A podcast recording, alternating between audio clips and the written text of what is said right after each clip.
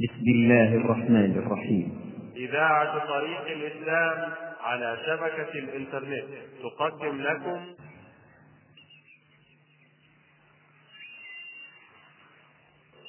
السلام عليكم ورحمة الله. أريد أن أقول لكم شيئا. يعني قد يبدو غريبا. لا تحكموا عليه حتى تستوعبوه. وتفكروا وتفكروا فيه. اليوم كثرة الأحاديث في المواعظ يعني ما, ما هي مطلوبة المواعظ مثل الغذاء أو مثل الدواء. هلا الغذاء؟ واحد يأكل في النهار ثلاث مرات يفطر ويتغدى ويتعشى. إذا أدخل الطعام على الطعام أكل ودعي محل آخر ثاني فأكل ثم أكل شو يصير معه؟ عسر هضم يمرض. يحتاج الجسم إلى مدة لهضم الطعام الذي أكله.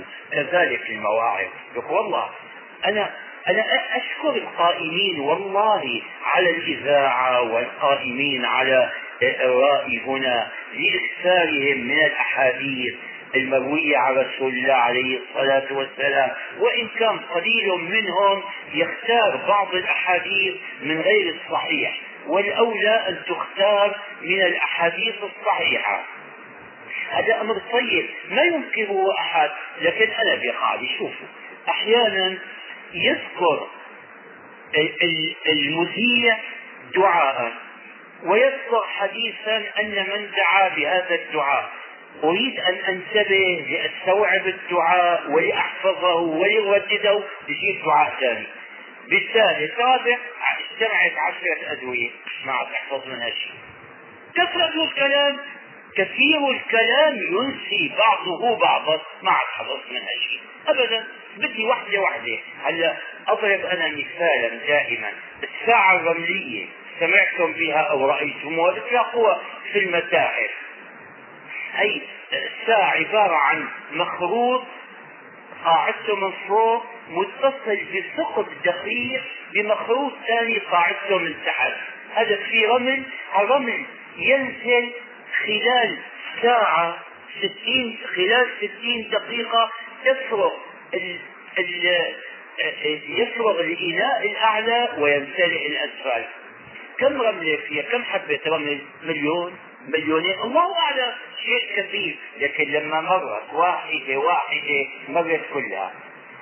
لو فرضنا أنك ألقيت نقطة من الصمغ والتصقت مجموعة من حبات الرمل ما عاد يستمر أبدا. هذا اللي صار فيه. والله قبل يومين وأنا أفكر بهالأحاديث هذه. طيب جيت أفكر بها وعلي مقالة أكتبها وعلي آه، أجيب على فتاوى وعندي جمعت كلها وقفت كما وقف حمار الشيخ في العقبة. مرة كتبت أن شوفوا حمار الشيخ هذا كل الناس يذكرونه. من هو صاحب الحمار؟ نسي الناس اسمه. معناه إنه خلود الذكر وبقاء الاسم لا يدل على عظم. أعود إلى الموضوع. الموعظة يحتاج سامعها إلى مدة ليتفهمها وليهضمها وليتمثلها مثل الغذاء مثل الدواء على الدواء. يذهب المريض إلى الطبيب يقول له تأخذ هالدواء. ثلاث حبات في اليوم بعد الأكل كل يوم بعد كل اكله حبة.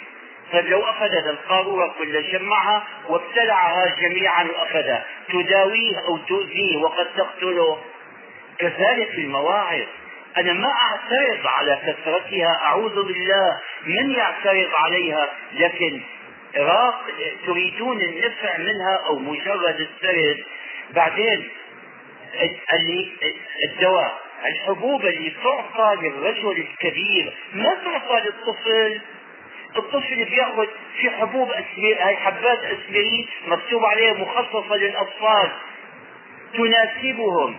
الثوب اللي يلبسه الكبير يتعثر به الطفل وقد لا يستطيع المشي إذا لبسه فراعوا في في المواعظ حال الناس.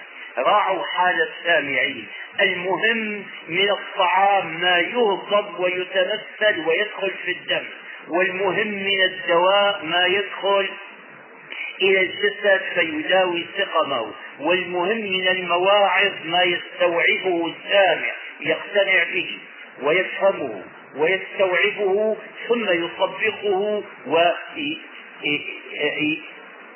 ويعمل به. قد يقول قائل إيش الآراء؟ يعترض علي يقول لي شو الدليل؟ يا أخي عبد الله بن مسعود قلت لكم قبل الآن وتعرفون من غير أن أقول لكم عبد الله بن مسعود بعثه عمر بن الخطاب إلى العراق للكوفة الكوفة يعني لما أرسل مثاله مثل أستاذ كبير سائر ترسله الجامعة بطلب من جامعة أخرى ليحاضر الطلاب فيها ليستفاد من علمه ومن فضله ومن خبرته. هذا طلبوا منه أن يعمل لهم مجلسا للموعظة وللنصيحة عملها قالوا زدنا؟ قال لا.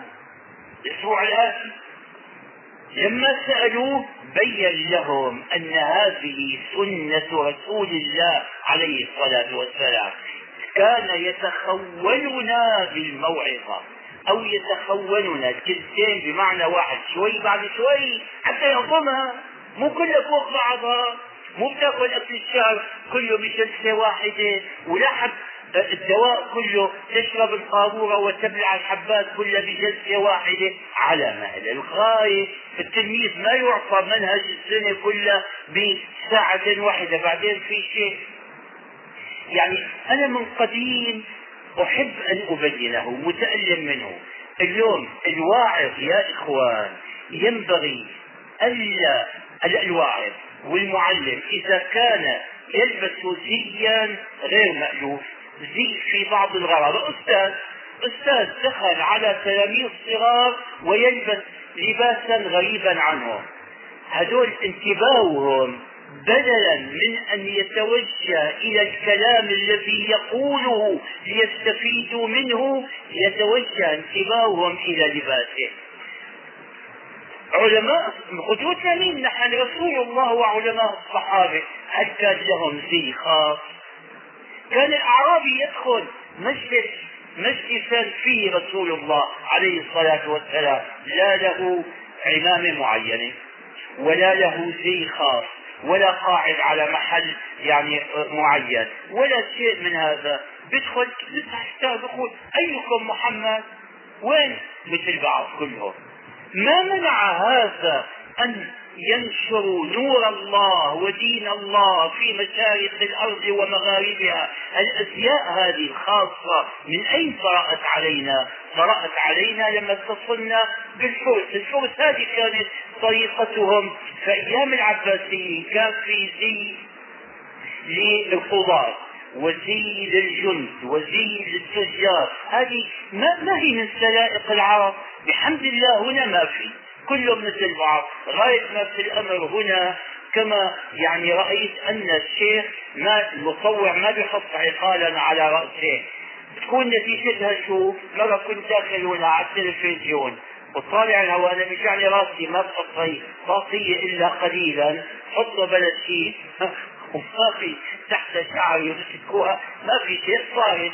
طارت هي واحد بدي أمسكها. راحت اذا اسمحوا لنا نضع العقال ما, ما تمنعون أنتم لكن يعني كلنا على الهامش أعود إلى الموضوع. وأن يكلم الناس بالأسلوب الذي يفهمونه.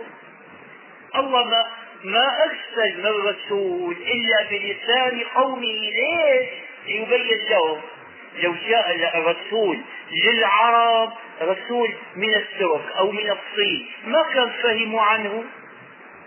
فلا يفهمون عنه إلا إذا كلمهم بلسانهم اليوم بعض الوعاظ يخاطب السامعين بأسلوب لا يألفونه. إذا الذي أقترحه أنا على الوعاظ. يا أيها الواعظ الكريم اسمع نصيحة أخ صغير لك. البس ما يلبسه الناس. إلا إذا كان في مانع شرعي. لا. إذا كان اللباس هذا مخالفا للشرع لا. الشرف بكل شيء. أما إذا لم يكن مخالفا لا تتميز عليهم بشيء يعني يشغل لا تشغلهم بزيك وبلباسك عن موعظة عن موعظتك وعن دروسك الأمر الثاني كلمهم كلاما عاديا باللهجة العادية أنا مرة كتبت من قديم منشورة. من قديم موجودة في كتاب من كتبي مع الناس أظن. مقال عنوانه صناعة المشيخة. ما في الإسلام صناعة مشيخة ولا عندنا رجال دين أساسا. هلا هلا بيسألوا إنه واحد سألني إنه أنت من رجال الدين ما في رجال دين. الإسلام ما في رجال دين.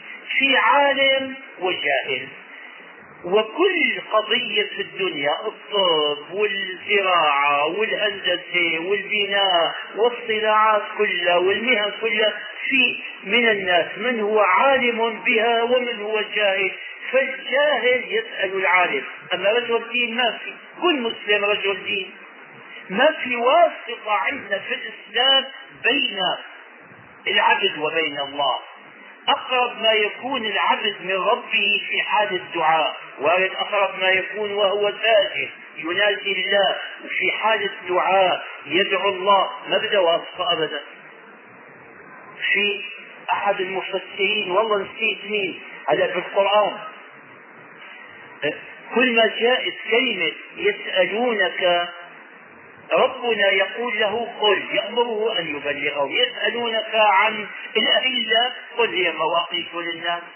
آه، يسألونك عن المحيض قل هو أذن يسألونك عن الشهر الحرام قتال فيه قل كذا وكذا. كثير. يسألونك فيأمر الرسول يأمر الله ورسوله أن عليه الصلاة والسلام أن يبلغ عباده ما يريده منهم.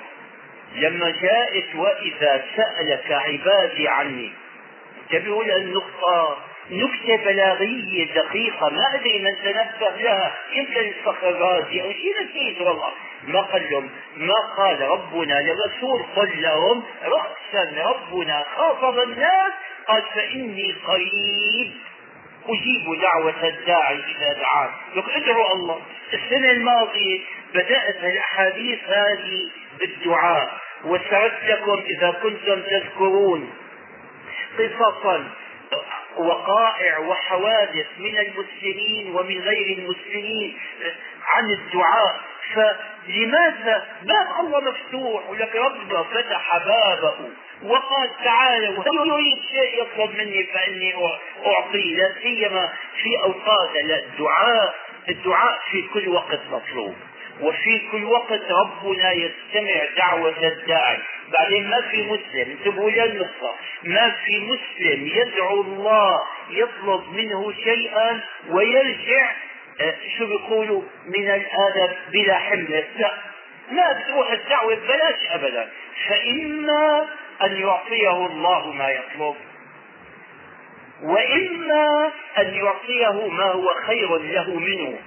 أحيانا الإنسان ما بيعرف مصلحته ويدعو الإنسان بالشر دعاءه بالخير. كلكم حادثه معلش الحوادث الواقعية هي توضح. أنا أول سنة جئت المملكة هنا. هذه الجية الأخيرة أول سنة أول جية هذه من خمسين سنة.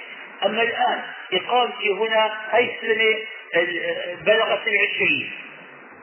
سنة في واحد من إخواننا وكنت في الرياض أول سنة يريد أن يسافر لبنان هو إلى لبنان وصل للمطار قالوا له أوراقك فيها نقص أو شيء فاحتاج أن يرجع إلى الرياض ليستكمل هذا النقص. طول الطريق لكن معه أنا يا ربي الحق الطيارة يا ربي الحق عم يدعو هيك بإخلاص. وصل قالوا الطيارة صارت زعل هذا ونقم وقعد يصيح حاولت أن أهدئه ما استطعت في حال ثورة تعرفوا شو طلعت النتيجة؟ احترقت الطيارة وقرأت يوم خبرها يومئذ بالصحف لك ربنا يعلم بأن الطيارة هي رح تحترق. وهو مو عارف يدعو يا رب وصلني لو أوصله الله لاحترقت به الطياره لكن في اجله فسحه والله راجه الخير. فإذا دعا منكم داع وما استجاب الله دعاءه. ما ييأس وما إيش؟ إنه في الحديث ما لم يستعجل. ومو يدعو وهو شاك يدعو وهو واثق من الإجابة. إذا الله ما أعطى ما يطلب. يدخرها له في الآخرة. في الآخرة محتاج لها أكثر. والله الآن يبلغني أنه في ناس يأخذون كتبي في بعض البلاد. تعودوا أن يسرقوا كتب الناس وأن يطبعوها بدون إذنه وأن يبيعوها. وأنا بيجيبوا لي الكتابين الكتاب المسروق الطبعة المسروقة والطبعة الأصلية والله لا أميز بينهما. الورق هو الورق والحرف هو الحرف. طيب أنا كنت أسعى بعدين كنتش أنا أسعى. الآن أنا هنا بحمد الله عندي ما يكفيني ماني محتاج. لا أنا مليونير ولا محتاج أحد في الدنيا أبدا. أبدا. ولا أريد من أحد شيئا أبدا. لكن في يوم بدها تلغى في ريالات ما عاد في ريالات.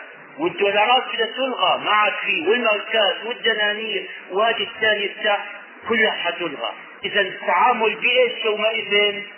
عليك حق بدك تدفع من حسناتك. لك حق تأخذ من حسنات خصمك في ذلك اليوم من ضاع عليه حق فإنه يأخذه. فيا إخوان أختم الحلقة بنصيحة تنفعكم.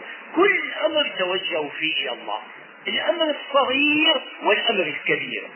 أي واحد أي شيء بريده لو شو بدي يقول لك هي الساعة ضاعت وينها؟ يا رب دلني عليها. أي شيء. ولد عم يبكي يا ربي عني على إسكاتي. ليش؟ لأنه الدعاء العبادة. ورواية الدعاء مخ العباده الدعاء عبادة لا يدعو الله إلا من كان مؤمنا بالله. ولذلك دعاء غير الله لا يجوز لا يجوز ابدا أن تطلب من غير الله ما لا يقدر عليه إلا الله إذا طلبته منه. عن طريق علمه بقوانين الله وحفظ الطبيب تطلب منه أن يعينك على شفاء الولد. مو بذاته أن يعينك بما اطلع عليه من أسباب الشفاء اللي الله وضعها هنا الاستعانه بالله. أعود إلى بيانها. إن شاء الله. فادعوا الله. ادعوا الله. لا سيما في السحر. بالسحر. لأن رمضان الآن وقت السحور.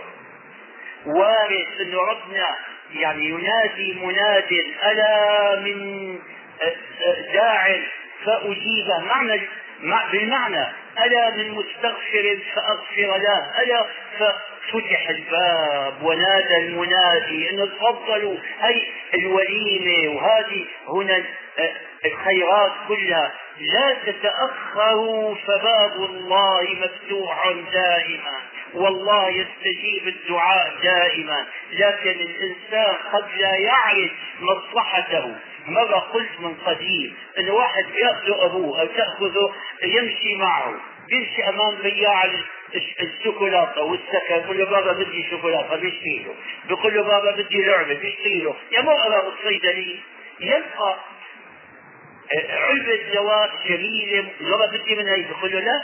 هي لا نجيب لك شيء احسن منها. لماذا؟ لأن العبد الأب هنا أعرف بمصلحة ولده. ما بيعطيه شيء يضره؟ فربنا أعرف بمصالح العباد. فادعوا الله. وتوجهوا إليه وألحوا بالدعاء وتضرعوا فيه وأخلصوا قلوبكم لله ادعوا في خاصة أنفسكم وادعوا للمسلمين بالاتحاد وادعوا لهم بالنصر وادعوا لأئمة المسلمين بالتوفيق وأن يرجعوا إلى فضل الله وادعوا لكل من تعرفون ومن لا تعرفون من المسلمين هذا السؤال يقول إنه متمسم يتبع المذهب الحنفي وملتزم به وقد قرأ بعض كتبه وتفقه فيه فإذا وقع له حديث صحيح على خلاف المذهب هل يأخذ بالمذهب أو بالحديث؟ والله شوف أنا أولا يعني مررت بمراحل متعددة. مر علي وقت كنت فيه حنفيا ملتزما. يعني ما أقبل بما يخالف المذهب. حتى لما كان يأتون بحديث. كنت أجادل كما قلت لكم من قبل أظن قلت. أنا مصيبتي أني أقول الكلام وأنسى أنني قلته. مثل كل المسلمين قلت من العشائر المسلمين من الشيوخ ما أنكر هذا كيف أنكر وقد جاوزت الثمانين فإذا كنت قلته وأكرر الآن فسامحوني. كنت أجادل أقول أن هذا الحديث صحيح نعم. هل اطلع هل هل علم به فقهاء المذهب أم لا؟ مع العلم أن أبا حنيفة مات سنة 150 للهجرة. يعني قد صار مر عليه.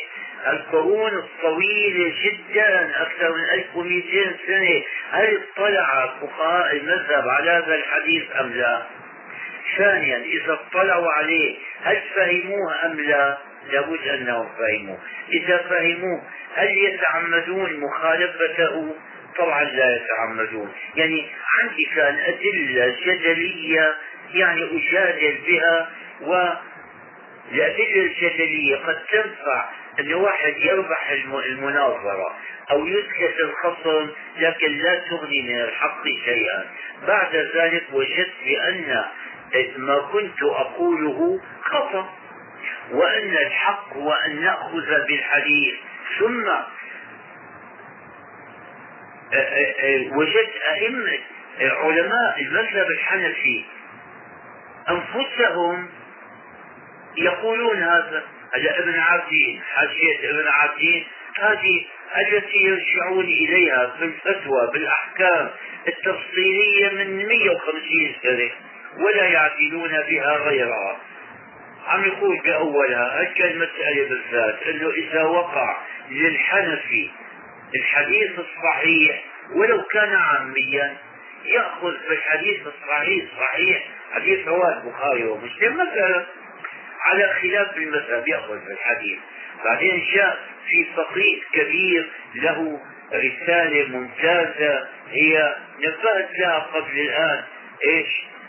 إشارة أهل الملة إلى الأحكام الأهلة أو شيء. عندي من قديم من صغري أرجع إليها للشيخ محمد بخيت المطيعي هذا مفتي الديار المصرية مات من زمان ودللت عليها. أحد أبنائنا من أصحاب دور النشر فأعاد نشرها كتاب هذا. عم أقول رسالة وإلا ف... وهي فهي كتاب صغير. أعاد طبعها الآن. فيها فصل عن هذا عن هذا الموضوع. فالجواب بلا تردد أصلا أن متبع مذهب من المذاهب إذا وقع له الحديث الصحيح الثابت يأخذ به ولا كلام. ياخذ به ولا يعتر عنه. أما قضية التقليد والاجتهاد هذه كنت بحثت فيها هنا وفي الرأي وكتبت كنت أنشر فتاوى بالشرق الأوسط من بضع سنين. بعدين جمعت هي في كتاب سموه فتاوى فلان فتاوى علي الطنطاوي وما أنا والله من أهل الافتاء أنا طالب علم صغير. لكن ما وفقت إليه. طبع ونفذت طبعته بأسرع ما يمكن واعادوا طبعه. يعني خلال مدة قصيرة جدا والطبعه نفذت كلها بحمد الله.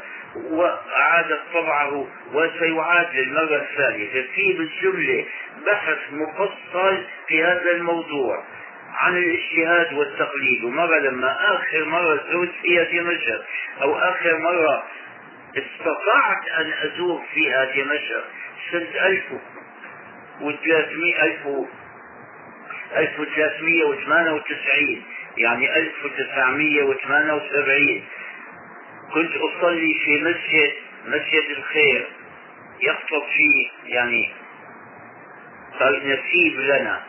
بعد الصلاة قاموا صار الناس يسألونني بالجملة عني ولاحظت أن السامعين كانوا قسمين قسم منهم من المتعصبين للمذهبية وقسم من الذين يحاربون المذهبية وكانت يومئذ خلافات ومجادلات ومناظرات وكتب تطبع ومقالات تنشر قلت لهم أمهلوني أقول لكم كلاما بعد هذا اسألوا ما شئتم. لما قلت لهم هذا الكلام سكت الطرفان أولا ألخص بكلمات معدودة. أولا ربنا إنما تعبدنا بالكتاب والسنة. مثل ما قال الشافعي العلم قال الله قال رسوله. والمعصوم هو رسول الله عليه الصلاة والسلام لا الأئمة الأربعة ولا التابعون ولا حتى ولا الصحابة. معصومون فلو قال واحد منهم قولا من عند نفسه بلا دليل يستند إليه ما لم يجبر على اتباعه. بعد ذلك هل يجوز التقليد؟ كان مما قلت فيها أن الرسول عليه الصلاة والسلام لما انتقل إلى الرفيق الأعلى كان عدد المسلمين يزيد على مئة ألف مئة ألف. الذين كانوا يفتون منهم. كم واحد؟ من المئة ألف عدهم ابن حزم ونقل هذا عنه ابن القيم. عدهم العلماء ما جاوزوا 130 و والمكثرون من الفتوى كانوا سبعة فقط. يعني المئة ألف كان المفتون منهم المئة فقط. يعني بالألف واحد. إذا التسعمية وتسعة وتسعين وتسعة وتسعون ماذا كانوا يصنعون؟ كانوا يقلدونهم. إذا التقليد موجود. موجود من أيام الصحابة. وإن كان أولى أن يسمى اتباعا لأنهم عرفوا الدليل ومشوا عليه ما هو مجرد تقليد أعمى. مع ذلك قد لا يسألون عن الدليل. الأمر الثاني إذا جاء واحد من البادية ممن يقلد في تلك الأيام وسأل أحد الصحابة سأل عبد الله بن عباس أو ابن عمر أو ابن مسعود وجاء المرة عاد مرة ثانية ما يقول أنا ألتزم بفلان فلا أسمع إلا منه بل إنه كان يسأل من يلقاه ويأخذ بفتواه فنحن إذا نعتقد أن المعصوم هو الرسول عليه الصلاة والسلام وأن الأئمة الأربعة وغيرهم من العلماء ليسوا بمعصومين وإنما نتبعهم لأنهم أعرفوا منا بالدليل. ولأنه لا يمكن لكل واحد أن يأخذ حكم رأسا من الكتاب والسنة. لفي كتب الطب كتب اللي تدرس في كلية الطب موجودة في الأسواق. إذا مرض ولدك ليش ما تروح تجيب المجلد هذا بالأمراض الباطنية الداخلية؟ تبحث فيه وأنت تداوي ولدك. تخاف أن تخطئ. فيزداد مرض الولد أو يموت ألا تخاف أن تخطئ هنا فتقع في جهنم إذا اجتهدت وأنت لست من أهل الاجتهاد وأهل الاجتهاد طبقة معينة. لا يعني ما عندك من المعلومات ما يسوغ لك الاجتهاد. هذا كل واحد يستطيع أنه يشرح بيتا من الشعر. كل واحد يستطيع يحل مسألة رياضية أو معادلة كيميائية. مو كل واحد يستطيع هذا. فهذه مسألة الاجتهاد والتقليد.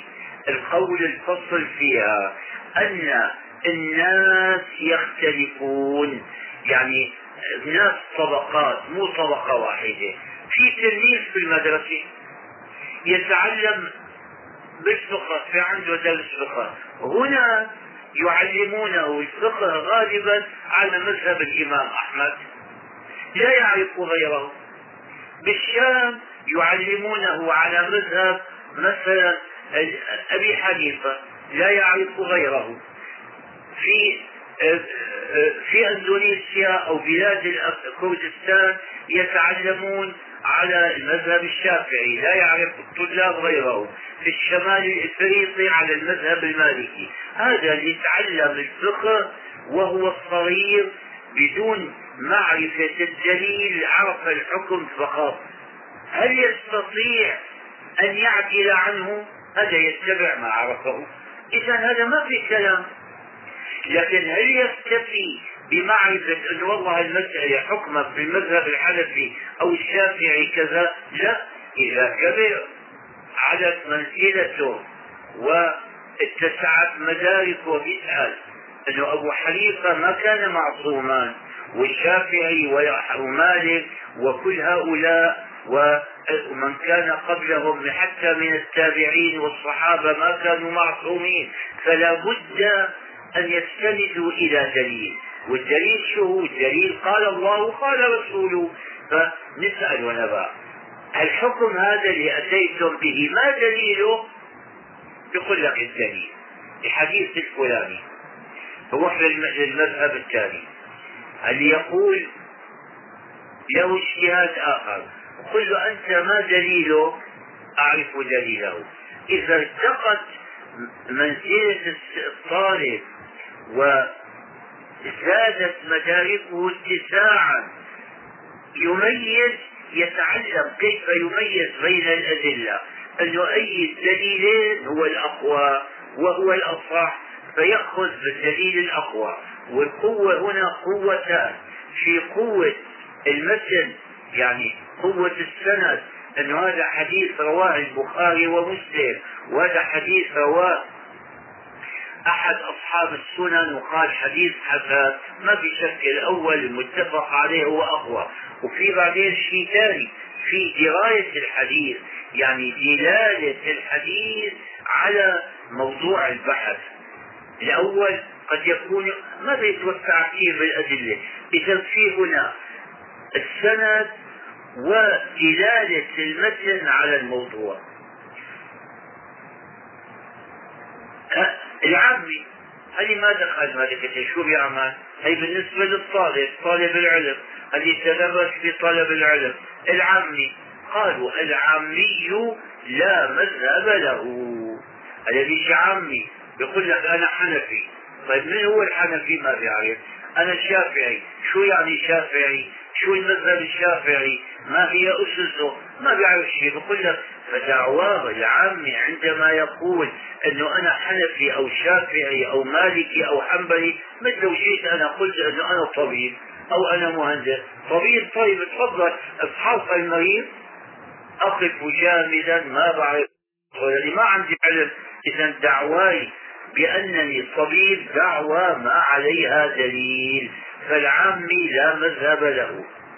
مع ذلك كان أصل الكلام أنه إذا وجد من يتبع مذهبا حديثا صحيحا على خلاف مذهبه ماذا يعمل؟ يأخذ بالحديث. وهنا في بعض التفصيل الأحاديث في منها أحاديث لا يحتاج فهمها إلى فقه كبير. أنه هل كان الرسول صلى الله عليه يرفع يديه عن تكبيرات الانتقالات أم لا؟ هل كان يشهد بسم الله الرحمن الرحيم عندما يؤم الناس أم لا؟ أي شغلة بسيطة. بسيطة بمعنى العامي باللغة البسيطة الواسعة يعني هينة. لكن في أمور ما تفهم إلا بنوع من الفقه. تحتاج إلى فقهية أي مو كل واحد يستطيع أن يفهمها إنما يفهمها المتفقه. أما أسباب اختلاف المذاهب أنا كمان هذا السؤال. على كل واحد من الأئمة كان في زمانه وكان قبله من هو مثله ومن هو أعلم منه؟ فليش هؤلاء جونت مذاهبهم وغيرهم نسيت مذاهبهم؟ الأوزاعي في الشام كان ما يقل عن الأئمة الأربعة. آه، الليث بن سعد في مصر ما يقل عن الأئمة الأربعة. كثيرون كانوا في منزلة هؤلاء. لماذا لم لم لم تبقى لهم مذاهب تتبع الآن مثل ما قال الليث عن مالك. قال لا مالك عن الليث. قال الليث لا الشافعي الشافعي قال عن مالك والليث قال الليث أفقه من مالك ولكن أصحابه لم يقوموا به. يعني هذا أصحابه كتبوا ما سمعوه منه ثم جاء تلاميذه من بعده فكتبوا ما سمعوه منهم كتبوا ما سمعوه منهم. وتتالت الكتابات في كل عصر كانت تكتب كتب في عن علماء هذا المذهب حتى توسعت الكتب وانتشرت وكثر الطلاب والعلماء الآخرون. ما كتب عنهم ولا دونت فتاواهم وآراؤهم فاندثرت مع الزمان. ولم تبقى ولم يبقى إلا قليل منها في بطون الكتب. هذه خلاصة المسألة. خلاصة المسألة أن التقليد مشروع وقديم من عهد الصحابة ولا ولا يجوز لكل واحد أن يأخذ من الكتاب والسنة رأسا ولا يجوز لمن يتبع مذهبا. إذا وقع له الحديث الصحيح أن يترك قول, قول رسول الله عليه الصلاة والسلام لقول آخر كائنا من كان وأن العمي لا مذهب له. هذا السؤال يقول هل يجب على كل داعية للإسلام أن يكون عارفا بلغة أجنبية؟ هذه خلاصة سؤال طويل. الجواب لا. لا يجب عليه أن يكون عارفا بلغة أجنبية بل يجب عليه أن يكون واقفا على الثقافة الجديدة. يعني نحن لما كنا صغارا كان العلماء عندنا بين رجلين.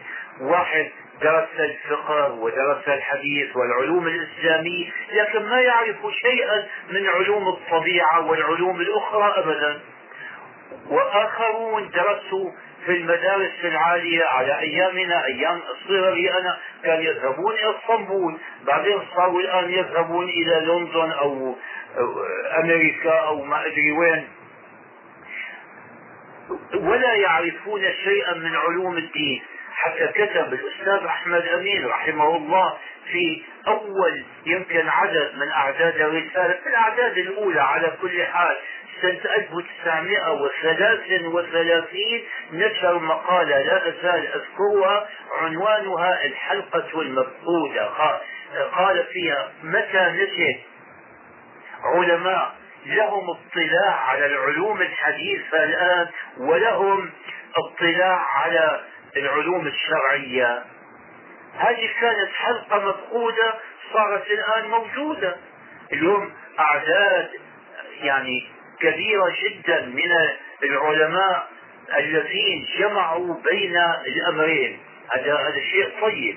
فينبغي أن يكون العالم واقفا عليها. إذا ما عرفها ما يشترط. يعني لا أوجب على كل عالم أن يعرف أمور الفلك ومسائل الكيمياء وشيء لا. ما هو واجب؟ لأن التخصص أساس العلم. بس ما يتكلم فيها بجهل ما يجي يقول يعترض على مسائل فلكية ثابتة يقول لك ينكر على من يقول بأن خسوف القمر ما بيكون غير بنصف الشهر العربي وكسوف الشمس يكون بأول الشهر العربي أو بآخر الذي لا ينكرها وهي أمور ثابتة محققة. يعني ما يتكلم فيما لا يعرف. هذا المطلوب. وإلا اليوم أن يوجب على كل عالم أن يكون مطلعا وعلى لغة أجنبية لا هذا تكليف بما لا يجب. يعني إيجاب ما لا يجب بس وأن يكون عالما بالعلوم الجديدة أيضا لا يطلب منه بس ما يكون جاهلا بها جهلا كاملا ولا يتكلم بها من باب أولى ما يتكلم فيها من غير علم بها. الخيال تضحك علينا. نحن كان على أيامنا ونحن الصغار كان من مشايخنا من ينكر كروية الأرض.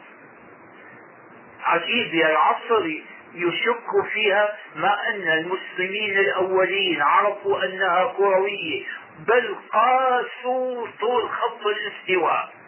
يعني عرفوا عرضها عرفوا استدارتها محيطها كيف عرفوا؟ أيام المأمون من قبل أكثر من 1200 سنة. أنا أقول من ذهني وكتبت هذا من قريب ارسل بعثتين فيما أذكر. بعثة إلى صحراء سنجار وبعثة إلى جهات تدمر فرصدوا نجم القطب. ارتفاع وهذا معروف. ارتفاعه أمر سهل. رصده ارتفاعه عن الأفق. فلما رأوه ثم مشوا. يعني رصدوه ومشوا بخط مستقيم باتجاه واحد. إما إلى الشرق أو إلى الغرب اتجاه واحد. فلما رأوه قد انتقل درجة قاسوا المسافة على الأرض وضربوها ب 360 هذه هي عدد درجات الدائرة. اصطلاحا عرفوا طول محيط الأرض طول خط الاستواء. والشيء المدهش أن رقم الآن المعترف به علميا الآن بعد 1200 سنة من أيام المأمون الذي جرى فيه جرت فيه هذه التجربة ما اختلف الرقم المعروف به الآن عن الرقم الذي وصلوا إليه إلا اختلافا يسيرا جدا بعد ما قلنا قبل 1200 سنة. نعرف طول خط الاستواء يأتي الآن منا من يقول بأن الأرض ما هي كروية. مو الآن الآن ما عاد في. قبل مدة لما كنا صغارا أو يشك بحركة الأرض أو يعود إلى النظرية اليونانية القديمة. هذه سبب بطلانها أنه الأرض ثابتة والشمس هي التي تدور من حولها. ما نرجع إلى الوراء على كل شيء يا إخوان كل شيء يتقدم ويتأخر. على السياسة والأدب والغنى الرجل يغتني ويفتقر. الدول تقوى وتضعف. في شيء لا يرجع للوراء أبدا بل يمشي إلى الأمام دائما مثل حجر البيدق هذا في الشطرنج. ما رجع لوراء خطوة لقدام لا يمين ولا شمال ولا وراء. إلا الأمام أو يقف في مكانه هو الفكر. الفكر البشري دائما يتقدم إلى الأمام. اليوم هلأ يتمسك علماؤنا بهندسة اقليدس التلميذ الثانوي اليوم بيعرف الهندسة والرياضيات أكثر من اقليدس وبيعرف طالب كلية الطب أي كلية طب في الدنيا يعرف من الطب أكثر من جالينوس وابن خراب قدم العلم العلم يتقدم إلى الأمام بالكيمياء بيعرف أكثر من لاكوازي. نعم. فيتقدم. فأنا أقول لا أوشك الجواب على السؤال المهم على كل عالم أن يعرف لغة أجنبية ولا أن يكون متخصصا بعلم من هذه العلوم بل ينبغي أن يكتفي بأن يكون له ذهن متفتح وأن يدرك مبادئ هذه العلوم وإلا يتكلم فيما لا يحسنه لئلا يجعل الناس يسخرون منا هذا في ناس كان نحن صغار يردوا على بدرس عام بالجامع على داروين لا قرأ نظرية داروين ولا عرف ماذا يقول. لأن نظرية داروين تبين بطلان نواحي كثيرة منها وفي أشياء ثابتة في أشياء فيها علمية. هذا طلع طلع مرة في بيروت كتاب نظرية داروين بين مؤيديها ومعارضيها. كثير من العلماء الكبار علماء الطبيعة الكبار نقضوا جوانب كثيرة منها. لكن الذي ينقضها الغزالي لما أراد أن يرد على الفلاسفة درس الفلسفة أولا اليونانية وهي فلسفة بدائية وأتقنها. وصار أستاذا لها بل أكبر أستاذ في أكبر جامعة في الدنيا في المدرسة النظامية. يومئذ ثم كتب كتابه تهافت الفلاسفة. نقضها لكن قبل أن ينقضها ألف مقاصد الفلاسفة لخصها وفهمها وأفهمها. وصار كتابه المقاصد مرجعا لأهلها يدرسون الفلسفة فيه بعد أن أثبت لهم أنه عارف بها عندئذ نقضها فالدعاة إلى الله ينبغي. يعني هذه يكفي الكلام يطول. نعم. هذا بكل حكاية طويلة أنه خلاصتها أن الذين يدعون الناس إلى الصلاة وهم يعني غير مستقيمين أو يسيئون إلى الإسلام. يعني أنت اسمع منهم اسمع مقالهم واترك حالهم. هذا لو انت كنت مريض وعم يجعك راسك ومتألم من وجع الرأس واحد ثاني عم يجع راسه. قال لك شوف يا عمي هالدواء هي خذ لك حبتين اسبرين أو حبة ساريدون أو حبة شيء دول خف وجع راسك وهو ما عم ياخذ طيب أنا أستفيد من كلامه المعقول وأدرك حماقته. وأحمق واحد دخل لك شايف الجسر هذا اللي فوق الوادي الجسر متخبر واراك موضع الخراب واذا مشيت سياره تسقط حكى لك الكلام وراحوا بشر بالسقط إذا هو مجنون تتبعه في عمله. فهذا إذا أمرك بخير فاسمع كلامه واترك عمله. كلامه ينفعه. وعمله إذا قصر أو أساء يضره وحده. فالعاقل يستفيد هذا مع العلم. إنه من أسباب الكلام طويل ونعود إليه من أسباب يعني عدم نجاح الدعوة إلى الإسلام أن بعض الداعين إلى الله يأمرون الناس بالخير. أتأمرون الناس؟ الله قال وتنسون أنفسكم بدا يبدأ بنفسه. عمر بن الخطاب كان إذا أمر الناس بشيء جمع أهله وقال شوفوا أنا أمرت الناس بكذا. وأنتم يعني أولى الناس بالطاعة. والله إذا واحد منكم عمل ما يخالف الأمر أضاعف له العقوبة وإذا نهاهم عن شيء يبدأ بأهله. نعم. ولذلك بنفسه وبأهله. هذا يقول أفيدك أنني كنت تاريخ الرسالة هذه 23 4 97 كنت من ضمن الحاضرين في الندوة التي أقامتها كلية الصيدلة في جامعة الرياض وذلك عقب المحاضرة التي ألقيتها في الجامعة على مستوى طلبة كليات جامعة الرياض بعنوان قضية الشباب وذكرت في آخرها ما معناه أن المسلمين اليوم في حاجة ماسة لأسلوب جديد في الدعوة إلى الله. يقترح الأسلوب الجديد يقترح اقتراحا جيدا عظيما حقيقة. قال أقترح أن نتخلق بأخلاق الإسلام.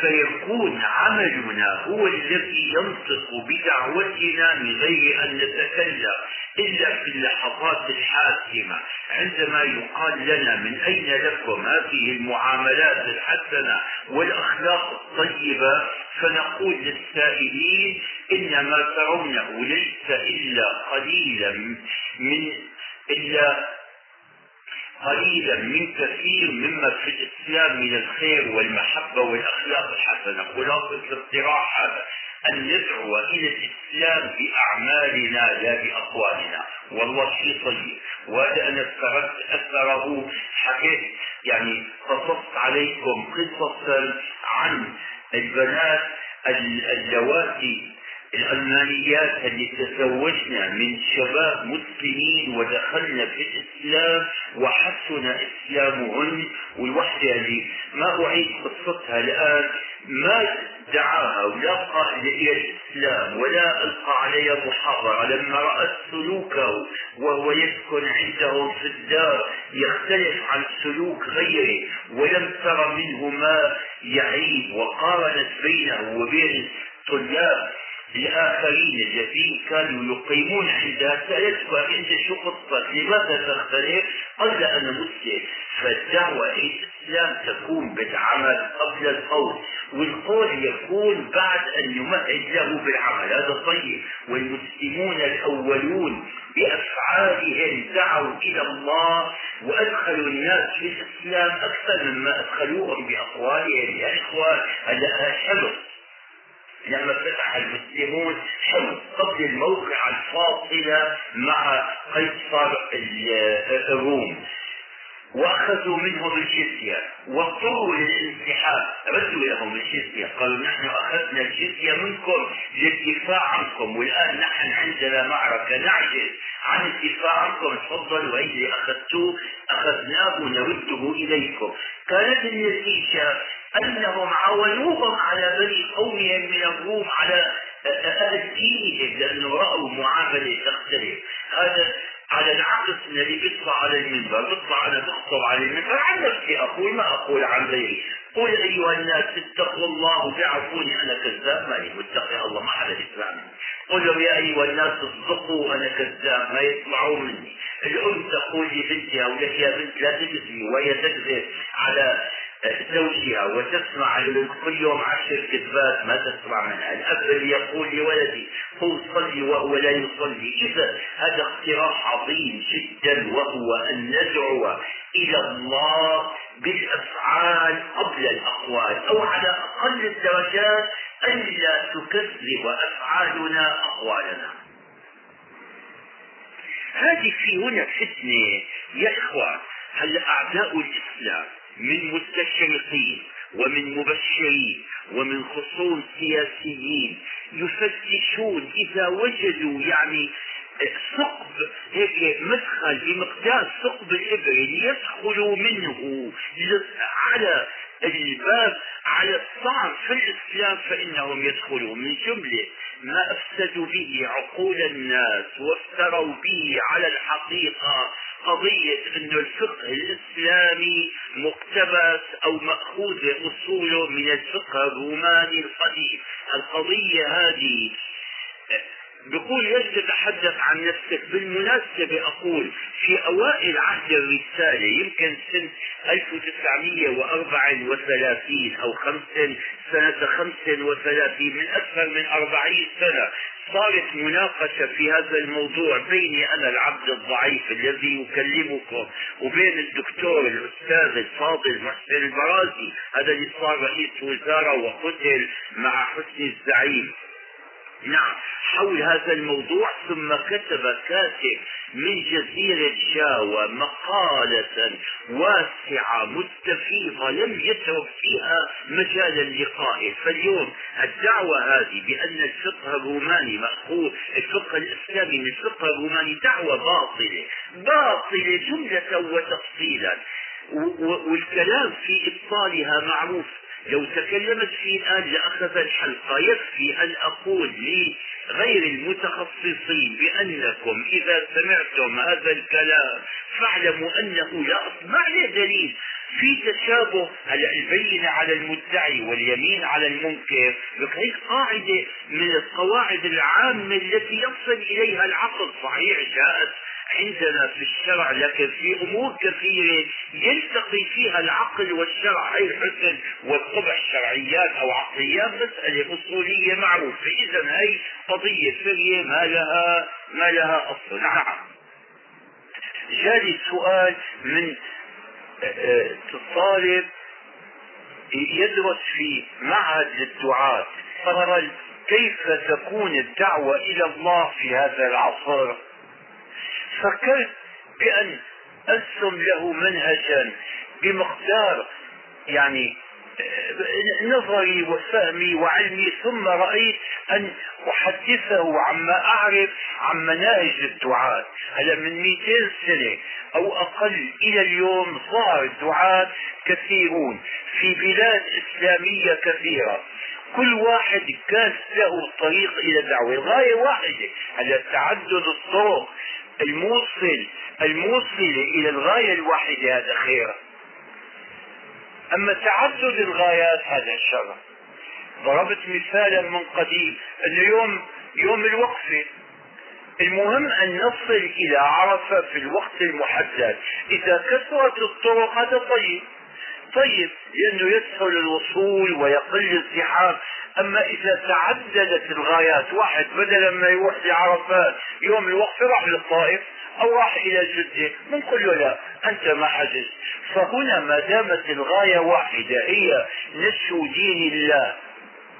ابتغاء رضا الله ما في مانع أن تتعدد الوسائل والغايات. هلا من أشهر الدعاة في المدة الأخيرة هي السرهندي. هذا في الهند يا أخوات. أرجوكم الآن مو الطلاب عندكم عندهم عطلة هنا. أكثر الطلاب لا يعرفون التاريخ الإسلامي. هل يدرس في المدارس؟ هذا قسم من التاريخ الإسلامي. نحن ندرس تاريخ الإسلام في البلاد العربية مثلا. طيب من يعرف منكم تاريخ الإسلام في الهند؟ في الهند ألف سنة. ألف سنة بقي الإسلام فيها أنشأ فيها مدنا أقام فيها مؤسسات أقام فيها دولا عظيمة ظلت تحكم الهند كلها. مين بيعرف تاريخ الإسلام في الهند؟ تاريخ الإسلام في روسيا.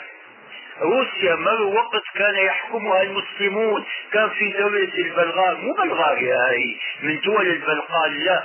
البلغار كانت مدينة كبيرة عند يسموها ستالينغراد هاي. اليوم الحرب الثانية صار الانسحاب منها. في واحد رحل اليها من القديم ابن فضلان اسمه. قرأوا الرحلة طيبة جدا رحلة ابن فضلان. طبعا المجمع العلمي في الشام. رحلة ابن بطوطة فيها كلام عن الإسلام في البلاد هي الإسلام في بلاد تركستان. الإسلام في أوروبا أمير شكيب نشر نشر عن غزوات العرب في شواطئ البحر المتوسط في إيطاليا وفي فرنسا وغيرها. قرأوا تاريخ الإسلام وعم تقولوا الآن عندكم عطلة وتحتاجون إلى ما تملؤون به وقتكم وتدفعون به أضرار الفراغ عنكم. الفراغ مصيبة كبرى إن الشباب والفراغ والجدة. واحد إذا كان شابا وكان فارغا بالعطلة ما عنده عمل وكان عنده فلوس شو العنصر الرابع الطاولة إلى أربع أرجل. شو الرجل الرابعة؟ شيطان. إن الشباب والعتاية بيقول إن الشباب والفراغ والشدة يعني الشدة مصدر وجد مثل عدا مصدر وعد. مفسدة للمرء أي مفسدة؟ فاشغلوا أوقاتكم بالمطالعة وما عم أقول لكم تقرؤون الآن كتب علمية نظريات صعبة. قرأوا كتب تاريخ ورحلات متعة مثل القصة هاي فأعود فأقول في الهند نحن فتحنا المسلمون فتحوا الهند ثلاث مرات. أول مرة فتحناها الفتح العربي عن يد محمد ابن القاسم الثقفي من الطائف من عندكم من هنا؟ ابن عم الحجاج ابن يوسف. قديش كان عمره اسمعوا لما وصل إلى موضع كراتشي اليوم ورأى شوي في حيدراباد السند كل ذهبت إليها أنا. وصلت إلى إندونيسيا آخر يعني البلاد الإسلامية الآسيوية. كم كم سنه؟ هلا قديش عمر واحد منكم اللي الآن في صف الثالث السنة الثالثة متوسط 17 سنة. عمره كان 17 سنة. قال الشاعر قاد الجيوش لسبع عشرة حجة 17 سنة. قاد الجيوش هو ووصل بها وفتح بها وحارب بها وفتح أطراف بلاد الهند هي أول فتح الفتح الإسلامي. بعده صار الفتح الأفغاني.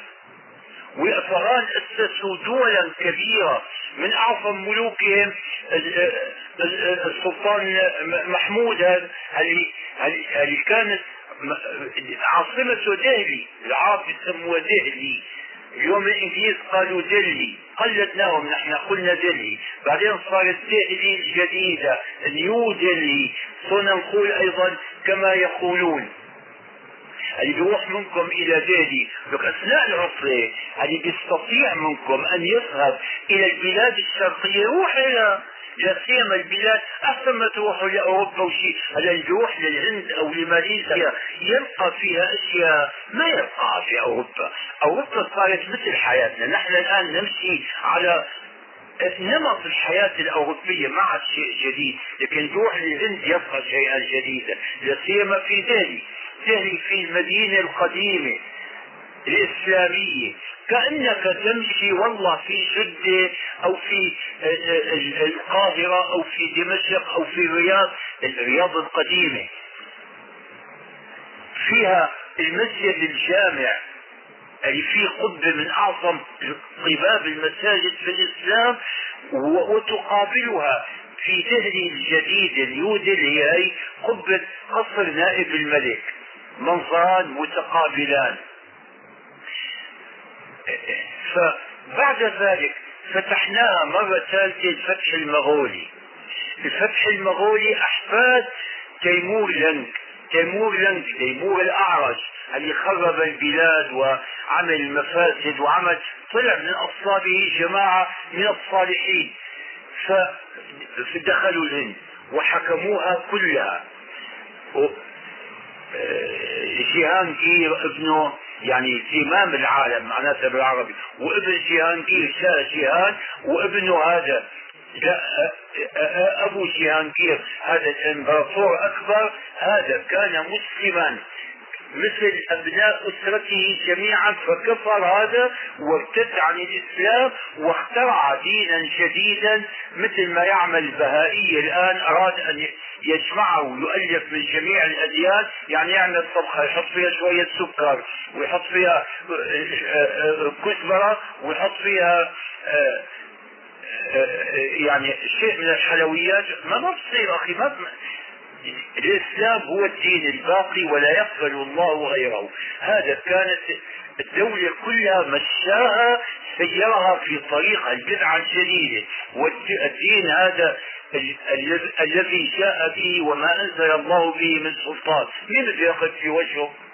الدولة معه الجيش معه الخزانة معه القوات كلهم معه. طلع له شيخ ضعيف اسمه الشيخ السرهندي شيخ صوفي هو لكن كله أثر عظيم. ماذا عمل؟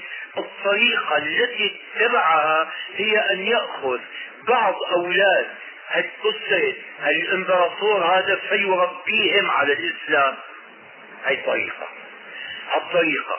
ومن الذين رباهم واحد كان حفيد أو ابن حفيد للامبراطور كان صغيرا جدا. كتب الله له أن يكون هو امبراطور الهند وأن يحكمها كلها. هذه اسمه أورانغزيب. يعني زينة العالم أو شيء ما أدري معناها.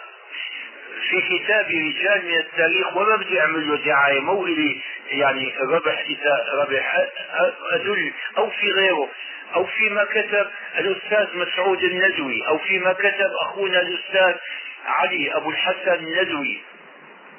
نعم. تجدون هذا. هذا حكم الهند كلها. كان اورنجزيب بقي أربعين سنة. الحاكم لشبه الجزيرة الهندية كلها كان عالما. وكان زائدا. وترك أموال الدولة كلها. كان في أوقات فراغه يكتب المصاحف بخطه. ما كان في مطابع يكتبها بخطه ويبيعها ويعيش منها. واحد تحت يده أموال الدنيا كلها ويعيش بعدين من كسب يده. هذا كان فقيها. تسمعون اليوم بالمذهب الحنفي في الفتاوى الهندية. اسمها الفتاوى العالمكيرية. نسبة إليه عالمكير. يعني قيادة العالم أو قائد العالم ما أدري والله. تسألون من يعرف اللغة الأردية والفارسية. نعم. إذا هي أول طريقة. اتبع هذا السرهندي أن يأخذ من أولاد من أطفال الحاكم المنحرف جماعة يربيهم على الاستقامة.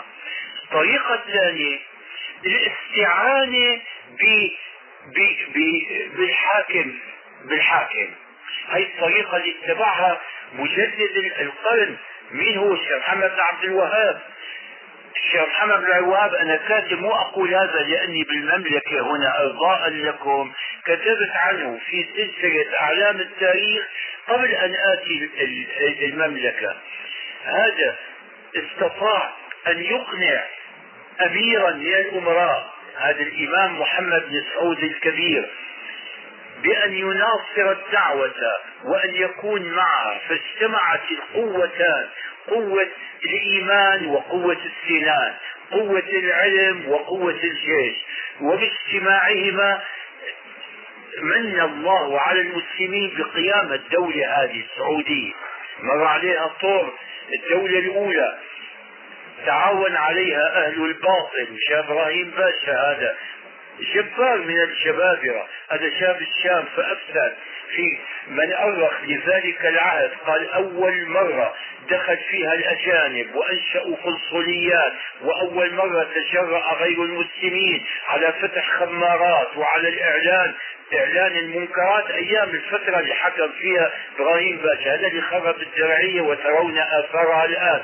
ثم أراد الله أن تعود مرة ثانية على يد قائد وإمام الملك عبد العزيز رحمة الله عليه. هذا اللي بنى بناءه بالقلوب بدأ من الصفر بدأ من الصفر فعلا ووصل بعد ذلك إلى المليون.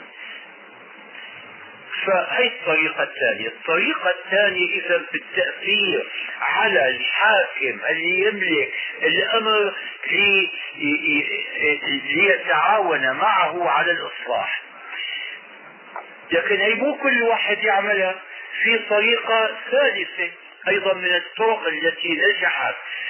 طريقة الشيخ جمال الدين الأفغاني وبالشام عندنا الشيخ طاهر الجزائري. هذا بنشر الأحاديث وتوزيعها ما بيقولوا كلمة له الشيخ جمال الدين قل كلمتك وامشي. يبذو أفكاره يلقي البذار هذه في الأرض حتى يصادفها. يعني جو مناسب فتنبت هلا لما تنزل الامطار تكون الصحراء كلها رمال. ليش تنزل المطر بيطلع كله أخضر؟ ليش جاء هذا النبات؟ اللي ترونه الآن السنة هي الحمد لله كانت سنة خير وعمت الأمطار. الجزيرة هي بيكون بذور. البذور هذه شوفوا قدرة الله. البذور هذه خفيفة. وبعضها في ورقات صغيرة مثل جناح لها هي تطلع الرياح تحملها. تذروها الرياح تبثها في أرجاء الصحراء. تبقى لا يكون لها أثر. إذا نزل المطر ووجدت اجتمعت الشروط المناسبة للإنبات فإنها تنبت. كنت أقول هذا من قبل شهر. دعاني هنا معهد رابطة العالم الإسلامي لتخريج الأئمة والدعاة قلت لهم الكلام والله سررت به جدا. في طلاب من جميع البلدان الإسلامية يتهيئون ليكونوا دعاة وفي أساتذة. تعرفت على مدير المعهد رجل فاضل جدا يدرس فيها رجل مجاهد قاضي الدكتور علي شريشة يدرس فيها أستاذ شاعر يرتجل الشعر ارتجالا الشعر الجيد الأستاذ ضياء الدين الصابوني الحافظ. قلت الكلام وقلت لهم.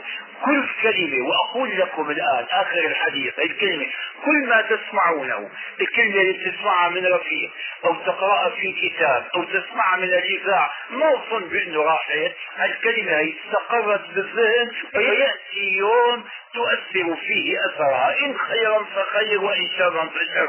ولذلك لا تسمعوا إلا إلى لمن يقول خيرا. والسلام عليكم ورحمة الله.